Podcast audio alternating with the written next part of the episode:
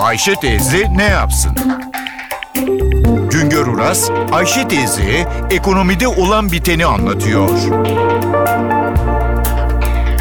Merhaba sayın dinleyenler, merhaba Ayşe Hanım teyze, merhaba Ali Rıza Bey amca. Ekonominin çarklarının dönmesinde vadeli çek ve senet çok önemli borç belgeleridir.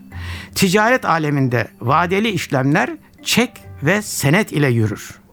2012 yılında karşılıksız çek verenler için hapis cezası kaldırıldı. Karşılıksız çek alışkanlığının tekrar patlaması bekleniyordu. Ama patlamadı. Çünkü kredi kayıt bürosunun faaliyete geçmesiyle vadeli çek ve senet sorununa büyük ölçüde çözüm getirildi. Kredi kayıt bürosu vadeli çek ve senet ile satış yapacak olanlara çek ve senet vereceklerin geçmişlerini sorgulama imkanı yaratıyor. Çok kişi bu sorgulama sisteminden habersiz. Halbuki sistemden yararlanmak çok kolay. Borçlanacak kimsenin iznini alıyorsunuz. Ben sizin borçlanma alışkanlığınızı soruşturabilir miyim diyorsunuz. Sonra kredi kayıt bürosu sistemine ücretsiz üye oluyorsunuz. Borçlanacak kimsenin sadece kimlik numarasını ve çalıştığı bankayı bildiriyorsunuz. Kredi kayıt bürosu borçlanacak kişiyi buluyor.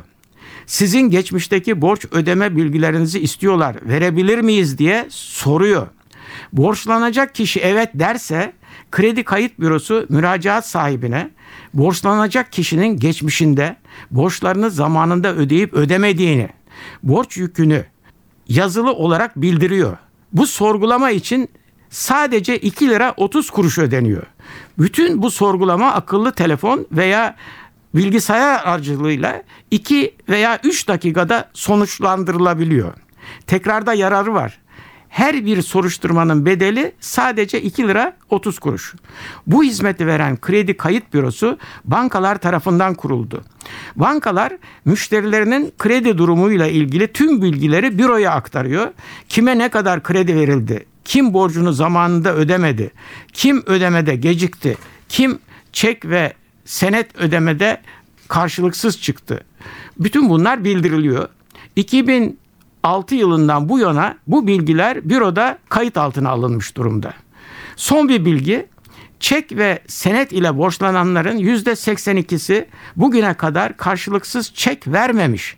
%7'si nin çeki karşılıksız çıkmış ama hemen ödenmiş. Yüzde sekizi bir veya birden fazla karşılıksız çek imzalamış, protesto edilmiş.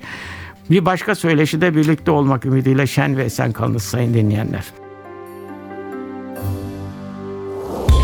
Güngör Uras'a sormak istediklerinizi ntvradio.com.tr adresine yazabilirsiniz.